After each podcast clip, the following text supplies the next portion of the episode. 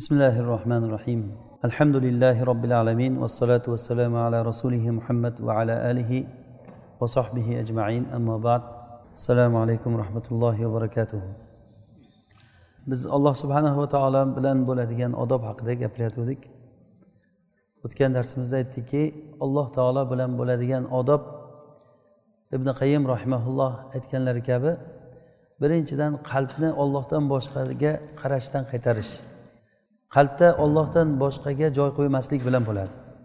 Agar bu qanchalik darajada komil darajaga yetsa banda shunchalik darajada alloh taolo bilan bo'lgan odobni joyiga qo'ygan bo'ladi dedik. Va ikkinchisi amalni noqis bo'lishligidan saqlash. Ya'ni alloh taoloni buyruqlarini hurmatlash bilan bo'ladi dedik buni. Ollohni shoirlarini hurmatlashlik. Alloh taolo aytadiki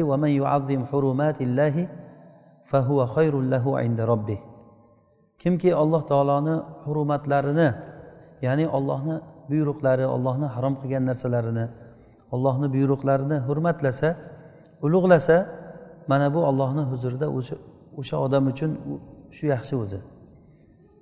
Bu ollohni shoirlarini hurmatlashlik e, ikkita narsa bilan bo'ladi deb aytdik. Birinchisi niyatni xolis alloh taologa qilishlik. Agar kim niyatni xolis olloh uchun qilolmasa u amalni bajarolmaydi u odam. Va aytdikki amal niyatsiz amal bo'lmaydi. Hattoki ulamolar aytishganki agar alloh taolo bir bandaga bandalariga niyatsiz amal qilinglar deb buyurganda edi bajarib bo'lmaydigan narsani buyurgan bo'lardi dedik. Ya'ni niyatsiz amal bo'lmaydi. Odam nimagadir niyat qilib amal qiladi. Odamlar uchun yo boshqa narsa uchun har qanday amaldan bir nimadir niyat qiladi. O'zidan o'zi hech qanday hechdan hechga amal qilishlik bu aqlli odamlarni ishi emas bu. Aqlli odam nima uchundir harakat qiladi? Har qanday harakatni ostida bir niyat bo'ladi. Faqat mo'min kishilar mana shu niyatini allohga burib qo'yishlikka buyurilindi. Bu nihoyat darajada muhim va o'z o'rnida nihoyat darajada qiyin amal. Eng birinchi bo'ladigan amal hamma amallarni sharti shu. Olloh uchun bo'lishligi. Vama umiru illa liyabudulloha muhlisina lahuddina hunafa. Odamlar buyurilgan narsalari faqat bitta narsaga buyurildilar. Ular xolis alloh taologa ibodatni xolis qilishlikka buyurilindilar. Hanif bo'lgan holatlarda. Hanif degani nima dedik? Botildan haqga qarab qasd bilan burilgan kishi degan. Buni misoliga ibrohim alayhissalomni misol qildik. Ibrohim alayhissalom hanif kishilarni imomi u kishi nima uchun alloh subhanahu va taolo u kishini o'ziga holil qilib tanlab olganligini kecha biz ba'zi bir oyatlarda o'qishligimizdan misollardan bildik. Hattoki o'zini o'g'lini so'ydigan paytda hech ikkilanmasdan borib turib ollohni buyrug'i tamom ollohni buyrug'i borib bajardilar. Qavmi u kishini ollohga ibodat qilganligi uchun olovga otib yubordilar. Olovga uloqtirgan paytlarida ibrohim alayhissalomni xayoliga ham kelgani yo'q ediki meni olloh shu olovni ichida qutqarib qoladi degan narsa xayoliga kelgani yo'q edi. bo'ldi olovga kuyishga ketyapman degan e'tiqod bilan turibdilar lekin hasbunalloh va ni'mal vakil deganlar ibrohim alayhissalomni o'sha paytdagi duosi hasbunalloh va ni'mal vakil va mo'minlar kofirlar ularga qarshi tayyorlanyapti degan xabar kelgan paytdagi mo'minlarni duolari ham xuddi shu bo'lgan hasbunalloh va ni'mal vakil الذين قال لهم الناس إن الناس قد جمعوا لكم فاخشوهم فزادهم إيمانا vaqolu hasbunallohu va ni'mal vakil. Keyin uni jazosi nima bo'ldi? Fanqalabu bi ni'matin minallohi va fadlin lam yamsashum su'u wattaba'u ridvanalloh ya'ni mo'minlar sahobalar shunday kishilar ediki ularga odamlar kelib turib kofirlar sizlar uchun qattiq tayyorgarlik qilyapti. Ehtiyot bo'linglar tayyorgarliklaringni oylar. Ular juda qattiq g'azab bilan sizlarga qarab kelyapti degan paytda ularni gaplari hasbunallohu va ni'mal vakil. Ya'ni bizga olloh o'zi kifoya qiladi. Ollohni o'zi vakolati bu olloh vakillikda eng go'zal vakildir. Shundan keyin alloh taolo aytyaptiki ular hech qanday zarar yetmasdan yo'llarida ketaverdilar degan. Demak amalni qisqacha e, nimasi shuki qabul bo'lishligi uchun birinchi o'rinda niyat xolis alloh taolo uchun bo'lishligi kerak. Hattoki niyat agar olloh uchun bo'lmasa bu ma'siyat bo'lar ekan. Ma'siyatni ham kattasi bo'lar ekan. Abu hurayra rivoyat qilgan hadisda uch kishini uchta odamni do'zaxga birinchi bo'lib turib uloqtiriladi dedik o'shalardan biri qori olim bo'lgan odam ikkinchisi mujohid bo'lgan shahid bo'lgan odam uchinchisi mollarini nafaqat qilib turib yurgan saxiy odam. O'shalar do'zaxga birinchi bo'lib turib kirdi. Nega? Niyatlari boshqa narsa bo'lganligi uchun. Va rasulullohni hadislarida aytdikki qiyomat kuni alloh taolo agar odamlarga jazo bersa mukofotlarni bersa riyo qilgan odamlarga aytar ekanki boringlar sizlar kim uchun amal qilgan bo'lsanglar o'shandan o'zlaring jazolaringni oylanglar qani qayerdan oladi ular jazosini? Bir kuni abu musa al ashariy roziyallohu anhu odamlarga xutba qilib turgan paytlarida aytdilarki mana bu shirkdan ya'ni riyodan qo'rqinglar. Ittaqu min hada shirk ar riya mana bu riyodan shirkdan qo'rqinglar. E, shundan saqlaninglar. Chunki u chumolini o'rmalashdan ko'ra maxfiyroqdir degan. Chumoli o'rmalab ketayotgan paytdagi holatdan ham ko'ra maxfiyroq bilmasdan qalbga kirib ketib qoladi. Shunda abdulloh ibn hazm va qays ibn mudorib ikkalari turib aytishdiki yo bu gapirgan gapingga hujjat aytasan yoki bo'lmasa amiril mo'minin umarni oldiga borib izn berasanmi izn bermaysanmi biz borib sendan shikoyat qilamiz shu gapni aytganliging uchun. Mazunan av g'ayra mazun borib aytamiz degan. Shunda bu kishi aytdilarki yo'q men bu gapimdan chiqaman. Ya'ni bu gapimga dalilim bor. Bir kuni rasululloh sollallohu alayhi vasallam bizlarga xutba qildilar va xutbada xuddi shu gapni aytdilar. Mana shu shirkdan shirk ya'ni riyodan saqlaninglar. Chunki u chumolini o'rmalashdan ko'ra maxfiyroq shunda sahobalar aytishdiki rasululloh bunchalik darajada u maxfiy bo'lsa qanday saqlanamiz undan? Shunda rasululloh sollallohu alayhi vasallam aytdilarki aytinglarki ey ollohim biz sendan bilgan bilgan holatda shirk keltirishlikdan panoh tilaymiz va bilmagan holatimizda ham shirk keltirishlikdan panoh tilaymiz. Ya'ni doim shirkdan biz panoh tilab yurishligimiz kerak. Shirk bu shunday narsaki odamni qalbiga o'zi bilmagan holatda kirib qoladi. O'zi bilmagan holatda kirib qoladi. Masalan har bir odam o'zini qalbini sinab ko'rishligi mumkin. Masalan sizga bir xabar kelgan paytda qalbingizga quloq solib ko'ring. O'sha qalbingiz kimga suyandi o'sha paytda? Agar bir odamga bir tomondan bir moddiy yordam kelib turgan bo'lsa o'sha moddiy yordam to'xtadi bo'ldi degan paytda yoki ishdan ishlab turgan odam bo'ldi bugundan boshlab senga ishdan bo'shading desa o'sha odam rizqini ollohga ishonadimi yoki ishlab turgan endi oyligi qanday bo'ladi endi tirikchiligim qanday bo'ladi? Mana shu paytda qalbiga quloq solsin. Qalbini qanday holatda topadi? Yoki urush maydonida bo'layotgan bo'lsa masalan kofirlar musulmonlarga qaraganda ancha adadda quvvatda ko'p bo'lganligini eshitgan paytda ular nihoyatda kuchli ekan degan paytda qalbida agar qo'rqinch kirsa demak o'sha qalbda shirk bor degani. Mana bu shirk chumolini o'rmalashdan ham ko'ra maxfiyroq bo'lgan narsa. Buni chiqarib tashlamaguncha inson komil mo'min bo'lolmaydi. To'g'ri albatta u mushrik deyilmaydi u odam. Lekin shirk miqdorichalik inson ollohdan boshqadan qo'rqadi. Alloh taolo ularni qalblariga mushriklarni qalblariga ollohga shirk keltirganliklarini barobarchalik qo'rqinch tashladi degan. Qanchalik odam qalbida ollohdan boshqadan umid bo'lsa o'sha umidichalik qo'rquv keladi.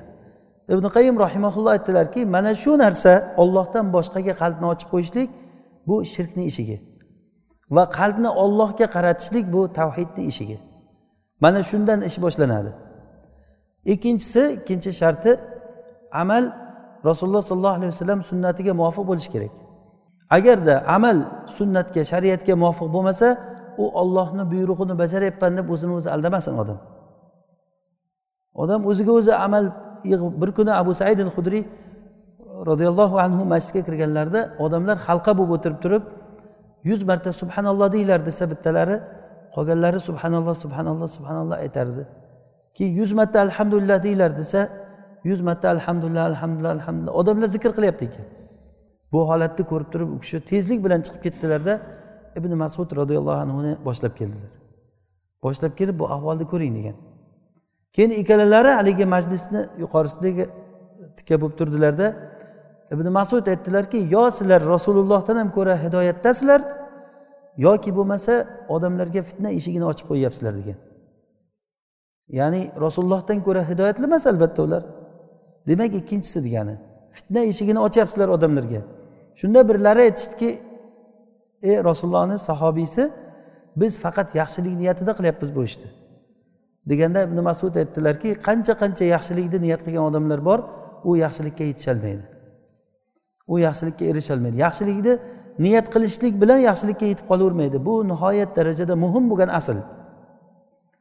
Amal qabul bo'lishligi uchun birinchidan xolis niyat bo'lishi kerak ikkinchidan rasululloh sollallohu alayhi vasallamni shariatiga muvofiq bo'lishi kerak. Agar shariatga muvofiq bo'lmasa u amal amal deyilmaydi. Buxoriy rahimaulloh rivoyat qilgan hadisda abu hurayrani hadisi bu hammamiz eshitganmiz buni. Hadis e, musi solatahu degan mashhur hadis. Bir kishi rasululloh sollallohu alayhi vasallam masjidda o'tirgan paytlarida bir kishi kelib turib masjidni bir chekka tomoniga o'tib namoz o'qidi ikki rakat. Namozni judayam tezlik bilan o'qigan rukulari sujudlarini joyiga qo'ymasdan o'qigan keyin kelib turib rasulullohga salom berdi. Shunda rasululloh unga aytdilarki sen bor qaytib borib namoz o'qigin chunki sen namoz o'qiganing yo'q dedilar. Irja fasolli fa innaka lam tusolli bor qaytib borib namoz o'qi sen namoz o'qimading. Demak o'sha o'sha odamni sunnatga muvofiq namoz o'qimaganligi uchun namoz o'qimading deyaptilar. Haligi odam qaytib bordi yana namoz o'qidi.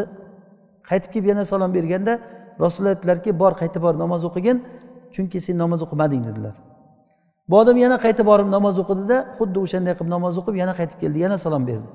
Rasululloh yana aytdilar bor qaytib borib namoz o'qi sen namoz o'qiganing yo'q shunda bu kishi aytdiki sizni haq bilan yuborgan zotga qasam ichib aytamanki men bundan boshqa namoz o'qishni bilmayman. Meni bilganim shu. Deganda rasululloh keyin unga namoz o'qishlikni o'rgatdilar. Agar namozga tursang sen xotirjam holatda qiyomda turgin. Keyin fotihani o'qigin o'zingga muyassar bo'lgan suralarni o'qigin va sajda ruku qilgin rukuda xotirjam bo'l rukudan turgin hatto xotirjam bo'l deb turib namozni odoblarini o'rgatdilar. Demak namoz rasulullohni sunnatiga muvofiq bo'lmadimi? U namoz o'qilinmadi hisob. Rasululloh sollallohu alayhi vasallam aytyaptilar bor qaytib namoz o'qigin chunki sen namoz o'qimading dedilar. Oysha roziyallohu anhoni hadisi bu bobda shu masalada asl bo'ladi. Oysha onamiz aytadilarki man amila amal amalan laysa alayhi amruna fahuva raddun rasululloh sallallohu alayhi vasallamni gaplari. Ya'ni kimki bir amalni qilsa va unga bizni sunnatimizga bizni yo'limizga dinimizda bo'lmasa bu ish u egasiga qaytarilgan. Amalni demak katta kichikligini ahamiyati yo'q. Al muhim ya'ni muhimi amal rasulullohni yo'liga sunnatiga mos bo'lishlik kerak. Alloh taoloni kitobidagi liyabluvakum ayyukum ahsanu amala. Liyabluvakum ayyukum ahsanu amala. Masalan allazi xalaqal mauta val hayata liyabluvakum ayyukum ahsanu amala oyatini tafsirida fudayl ibn iyod rahimaulloh aytadilarki ya'ni alloh taolo sizlarga o'lim va hayotni yaratdi. Qaysilaringni yaxshi amal qilishliklaringni imtihon qilish uchun. Ahsanu amala. Shu ahsanu amalni tafsir qilib aytdilarki ya'ni xolis va rasulullohni sunnatiga mos bo'lgan amal degan.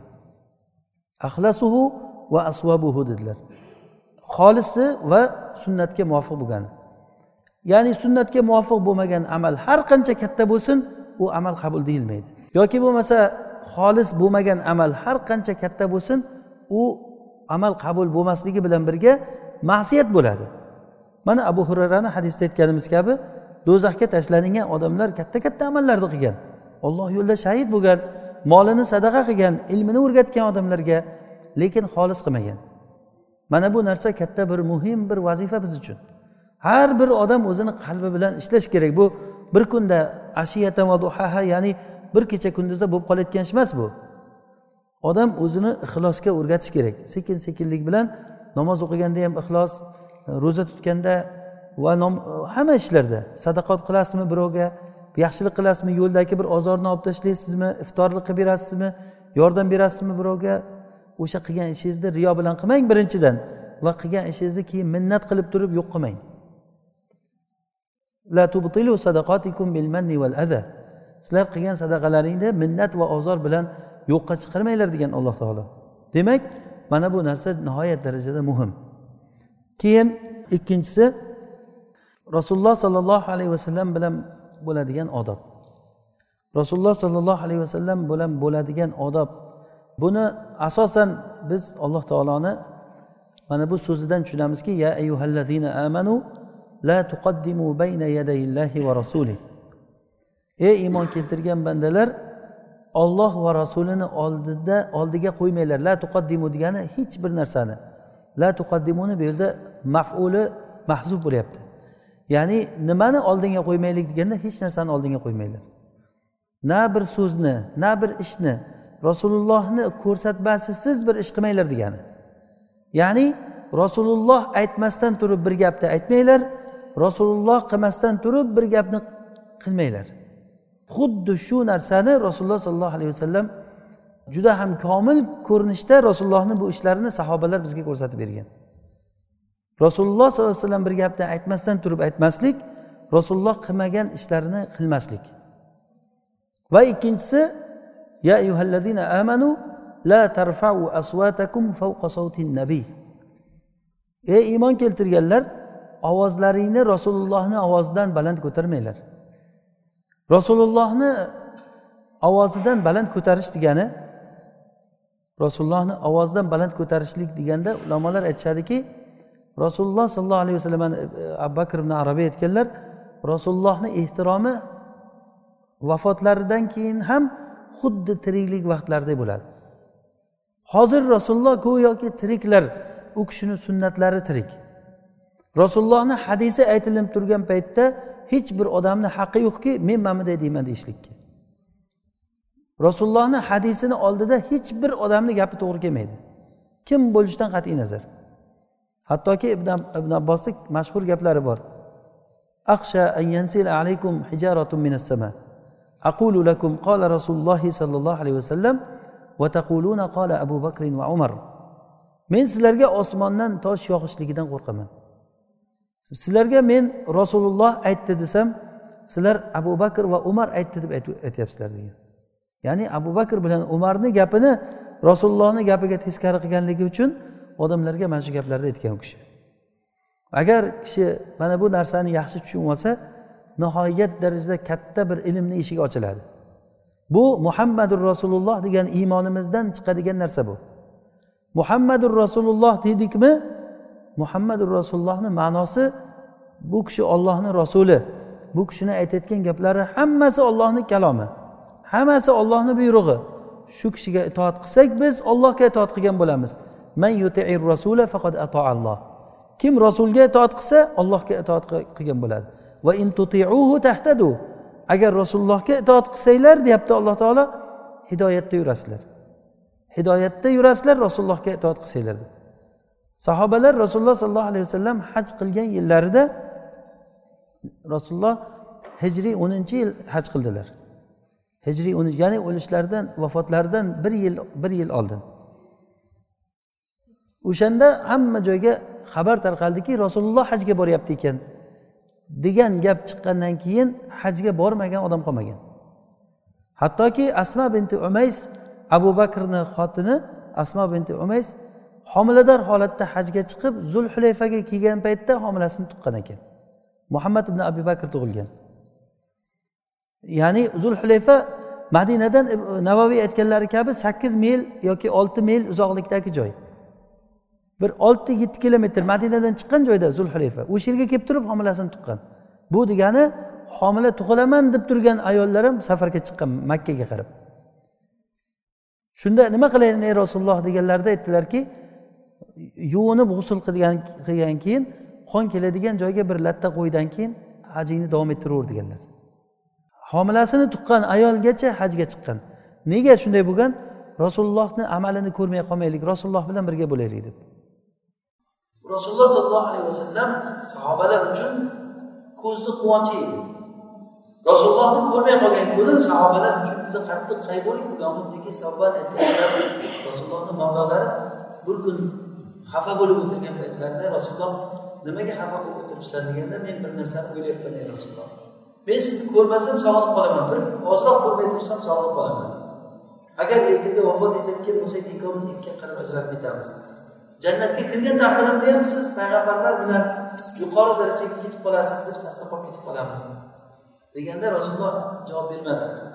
Shunda alloh taolo oyat nozil qildiki mana bugun hozir o'qigan oyatimiz ومن يطع الله والرسول فأولئك مع الذين أنعم الله عليهم من النبيين والصديقين والشهداء والصالحين وحسن أولئك رفيقا kim agar olloh va rasuliga itoat qiladigan bo'lsa u odam payg'ambarlar bilan birga bo'ladi siddiqinlar va shuhadolar bilan birga bo'ladi bu eng yaxshi birga bo'lishlik sahobalar uchun rasululloh sollallohu alayhi vasallam mana shunday o'rinda bo'ldi rasululloh hajjatul vadoda o'sha haj qilgan paytlarida rasululloh sollallohu alayhi vasallam jobir ibn abdullohni rivoyat qilgan hadisida rasululloh sollallohu alayhi vasallam xutba qildilar xutbatul vado imom muslim rivoyat qilgan hadisda. Xutbatul vadoda turib aytdilarki sahobalarga bugun qaysi kun? dedilar. Bugun qaysi kun? dedilar. Shunda sahobalar olloh va rasuli biladi deb javob berdilar. O'zi aslida kim bilmaydi o'sha kunni arafotda turgan kunni kim bilmaydi bugun e, arafat kuni emasmi deganlarda alaysa nahar deganlarida bala dedilar shunaqa. U sahobalar nega javob bermadi rasulullohga? Chunki rasululloh boshqa bir ism bilan ismlasalar kerak deb o'yladilar va qaysi shaharda turibmiz dedilar. Shunda sahobalar olloh va rasuli biladi deyishdi. Qaysi shaharligini kim bilmaydi o'sha yerda? Hamma biladi. Bu shahar baladil harom ekanligini rasululloh aytdilarki alaysa baladil harom? Baladil harom emasmi? deganda qolu bala. Ha baladil harom dedilar va qaysi oyda turibmiz? dedilar. Qaysi oyda turibmiz? deganda oyni hamma bilishardi lekin hech kim javob bermadi rasulullohga falon oyda turibmiz. Olloh va rasuli biladi deyishdi. Shunda haram oyda emasmizmi zulhijjada emasmizmi? dedilar.